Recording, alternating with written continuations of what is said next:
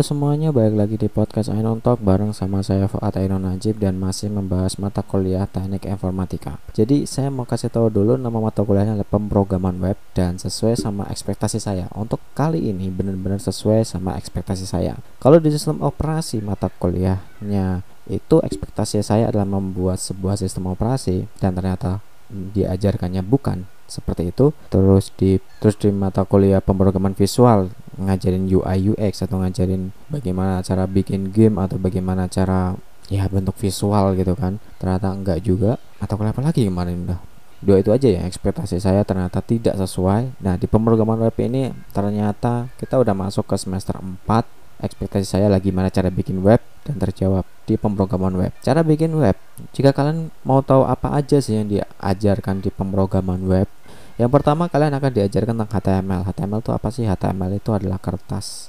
Kertasnya, teman-teman. Jadi kalau kalian mau gambar, ini ada kertasnya. Nah, HTML itu adalah kertas putihnya. Selain HTML, kalian juga dikenalkan dengan CSS. Nah, CSS ini adalah pewarnanya. Pewarnanya ini ya bisa kalian macam-macam. Ada spidol, ada crayon, ada macam-macam lah. Cat air juga boleh. Untuk membuat kertas putih menjadi berwarna itu HTML dan CSS itu sudah membuat website kalian itu berwarna. Kalau kalian hanya tahu tentang HTML dan CSS, kalian tidak akan bisa membuat seperti facebook.com atau kalian juga tidak akan bisa membuat seperti tokopedia.com atau macam-macam website yang lain, yang yang bisa klik ini klik sana order sini check out sana masukin keranjang posting sini dan lain sebagainya atau like atau share. Nah yang lainnya itu apa sih? Yang lainnya itu adalah JavaScript. Jujur aja waktu waktu pemrograman web ini waktu saya kuliah di pemrograman web ini jujur aja JavaScript itu saya cuma dapatnya validasi doang dan itu nggak nggak event atau trigger gitu. Nggak teman-teman. Saya cuma dapatnya alert. Just alert. Ya elah. Just alert lagi jadi cuma peringatan aja maksudnya cuma bikin pop modal pop up peringatan bahwa diklik ini munculnya masukkan parameter dengan benar kayak gitu doang. Nah baru di waktu saat kerja di Alfamart ini saya lebih banyak ngomonginnya tentang ajak. Saya ngomongin tentang ajak itu adalah salah satu bagian dari JavaScript ya. Event atau event on click on change atau macam-macam event. Saya juga ketemu sama bootstrap JavaScript bootstrapnya gimana cara bikin pop over bagaimana cara bikin apa ya slide gambar slide kayak gitu.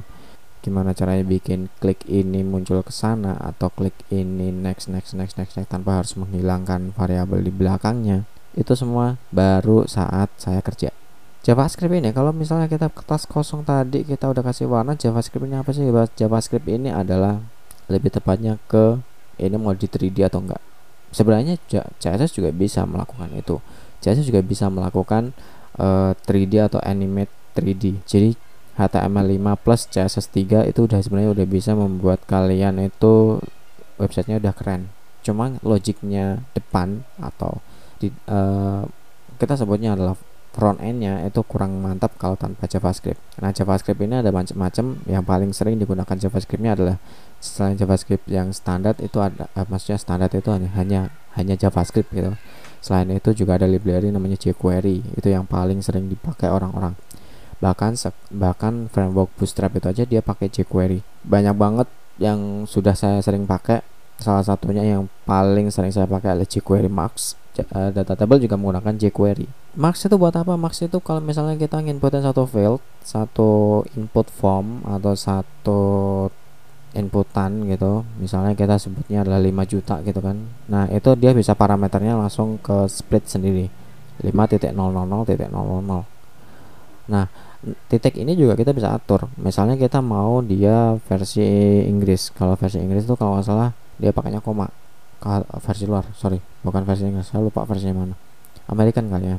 Dia pakainya koma. Jadi 5,000 dan secara Indonesia itu 5000 secara di sana juga 5000 cuma kalau kita pakai standar Indonesia 5 ini akan jadi 5 5 5,000 ini akan jadi 5 nah kayak gitu. Kalian juga harus tahu seperti itu. Itu jQuery Max tanpa harus kita menghilangkan atau tanpa harus kita uh, menggunakan logic macam-macam data tables. Data tables itu apa sih? Data tables itu kita bikin sebuah da, uh, tabel. Misalnya ada 1000 row. Wah banyak banget. 1000 row. Kalau kita nggak kalau kita nggak tahu gimana cara scrolling maka kita scrolling websitenya scrolling halamannya. Padahal jQuery itu dia akan tetap di 700 pixel. Misalnya kita plot uh, table tersebut ada di setengah halaman dengan tinggi atau dengan uh, lebar. Kok lebar sih? Panjang bukan panjang. Uh, yang tampil di layar pertama itu adalah 100 atau tampil di layar pertama itu adalah 10 10 row maka kita bisa scrolling di tabel tersebut tanpa harus scrolling websitenya atau scrolling halamannya. Jadi scrolling tabelnya tersebut. Nah itu data tables. Lebih lanjut silahkan masuk ke datatable.net kalau yang jQuery Mars silahkan search aja jQuery.mars atau jQuery Mars uh, terus apa lagi yang saya pakai? Frameworknya Bootstrap. Kalian bisa cek aja di getbootstrap.com kalau nggak salah sekarang udah versi 4 saat saya bikin podcast ini versinya 4 untuk jQuery uh, versi yang sering saya gunakan masih di 1.12 untuk yang jQuery Mars kayaknya lupa saya versinya berapa. Untuk bootstrap versi 4 itu ngomongin JavaScript. Jadi HTML, CSS, JavaScript ini baru ngomongin front end atau tampilannya atau yang sering dilihat atau yang sering dikomentari tampilannya buruk lah tata letaknya buruk lah itu baru tiga itu. Nah di belakangnya ada logic yang bekerja gimana cara bikin back end ya? Kita sebutnya adalah back end yang di belakang itu adalah back end. Back endnya ini macam-macam. Waktu itu saya diguna saya menggunakan PHP diajarkan PHP kurikulumnya menggunakan PHP nah PHP ini PHP standar aja nggak usah pakai framework. Mungkin sekarang udah pada banyak framework tentang PHP ada CI atau kode code igniter gitu nggak sih bacanya? Ravel cake PHP, Y dan lain sebagainya. Banyak banget teman-teman framework PHP. Nah, saya pakainya PHP yang standar aja. Baru di waktu kalau nggak salah uh, tugas akhir saya juga masih PHP standar, tapi baru setelah itu saya ketemu sama Zen framework PHP dengan menggunakan PHP 5.3 kalau nggak salah. 5.3 atau 5.6 itu Zen framework 1 terus saya ketemu lagi sama Laravel Laravel berapa gitu lupa. CI juga udah berkembang saat saya belajar waktu kuliah itu CI 2 saat saya lulus udah muncul CI 3 CI, CI 3 kalau nggak salah.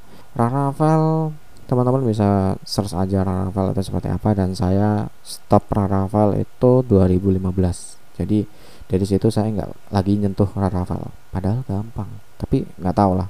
Saya udah nggak nyentuh sama sekali Raravel. Nah itu itu yang ada di backend waktu diajarkan di pemrograman web.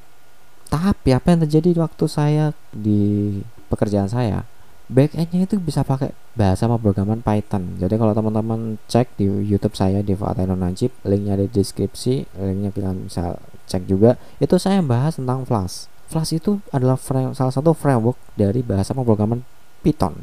Dia bisa bekerja di backend as a web programming. Jadi dia adalah backendnya dari pemrograman web. Uh, apalagi Nah, di sana itu ada muncul satu lagi istilah di kalau kita pakai Python ya. Itu ada modul namanya Jinja 2. Jinja 2 itu ngomongin template. Selain HTML, CSS, JavaScript juga harus ada Jinja.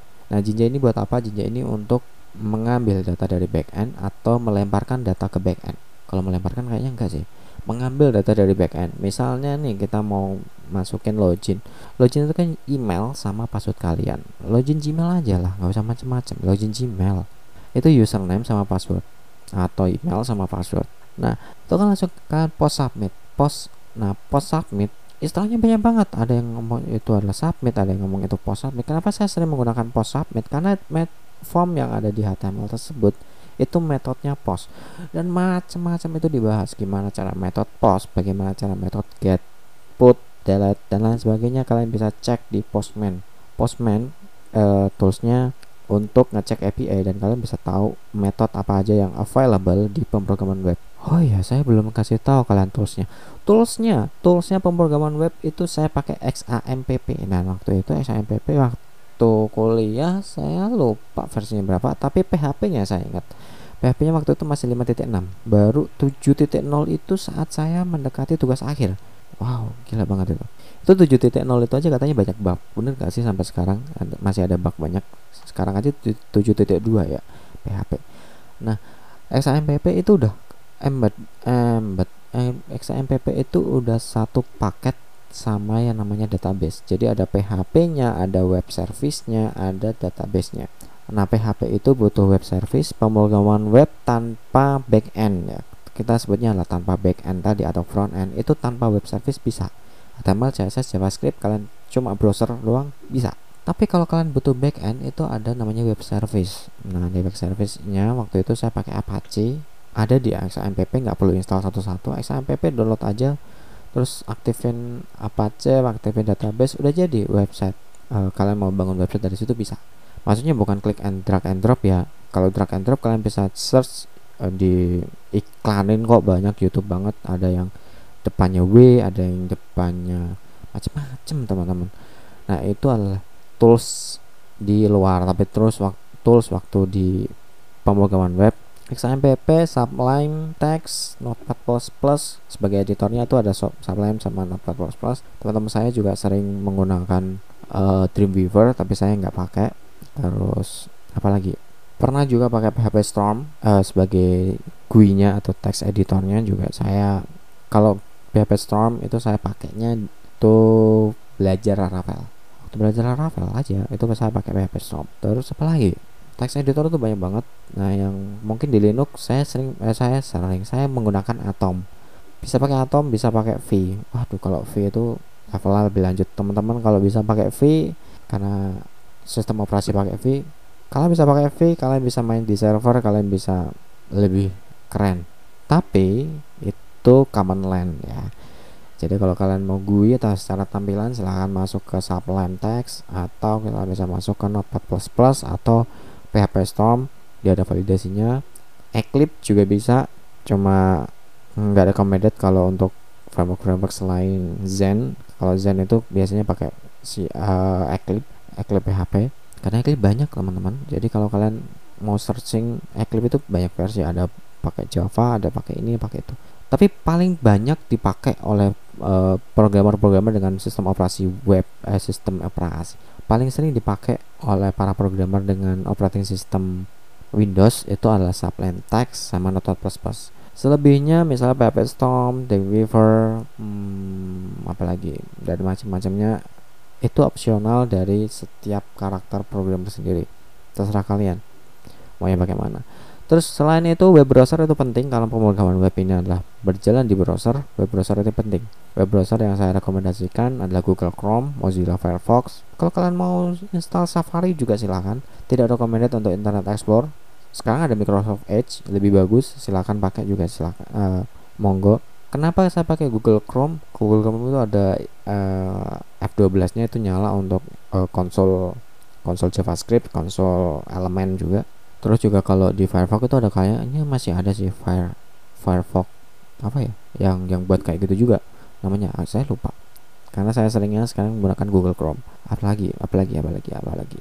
Um, RAM butuh berapa banyak sih mas RAM-nya? RAM-nya, RAM-nya itu 2 GB udah cukup karena ini nggak jalan di berat-berat terus untuk database-nya pemrograman web juga ngomongin database dan baru di pemrograman web inilah mata kuliah yang ngomongin script plus database. Gimana cara masukin ke database? Itu baru di pemrograman web.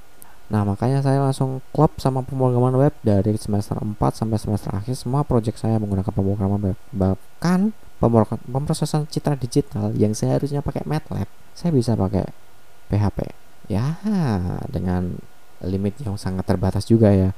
Kalau kalian mau pemrosesan lebih banyak maksudnya pemrosesan pemrosesan data atau pemrosesan image atau pemrosesan yang membutuhkan komputasi lebih gede RAM-nya digedein prosesornya juga pastinya digedein. Nah untuk recommended atau enggak bahasa pemrograman PHP jawabannya enggak recommended untuk pemrosesan yang sangat banyak. Saya ngomongnya ngalor ngidul deh. Nggak apa-apa saya ngomong ngalor ngidul untuk pemrograman web karena menurut saya gini pemrograman web yang diajarkan di mata kuliah pemrograman ah, karena gini pemrograman web sebuah mata kuliah yang diajarkan di teknik informatika yang saya waktu itu dapetin itu sebenarnya baru kulitnya teman-teman. Kalau kalian nggak tahu seperti apa cara mengupas kulitnya kalian juga akan stuck di situ aja. Saya punya contoh kok banyak teman-teman saya yang akhirnya beralih ke pemrograman Android yang lagi booming waktu itu. Gak apa-apa, pemrograman Android juga sekarang saya juga belajar belajar pemrograman Android. Maksudnya pemrograman Android itu nggak ada mata kuliah pemrograman Android namanya pemrosesan eh kok pemrosesan namanya pemrograman berorientasi objek. Waktu itu belum booming teman-teman. Pemrograman berorientasi objek itu belum booming waktu itu. Boomingnya itu masih desktop. Jadi Java desktop menggunakan NetBeans kayaknya saya belum bahas pemrograman berorientasi objek. Nah di semester 4 saat itu pemrograman web barengan sama pemrograman berorientasi objek. Jadi tugas akhirnya udah jelas. Yang satu bikin aplikasi Android yang satu bikin web. Keren kan? Jadi tugas akhir di satu semester itu kayak sebuah proyek gede. Aduh ngeri lah pokoknya. Nah apalagi di pemrograman web? Hmm kayaknya nggak ada deh. Kayaknya cukup situ aja. Sebenarnya kalau mau dikupas satu-satu misalnya CSS itu kayak gimana JavaScript itu kayak gimana HTML kayak gimana PHP kayak gimana uh, dan istilah-istilah di pemrograman web kayaknya nggak cocok sih untuk dimasukin ke podcast kali ini jadi sekian dulu podcast kali ini. See you at the next podcast. Bye bye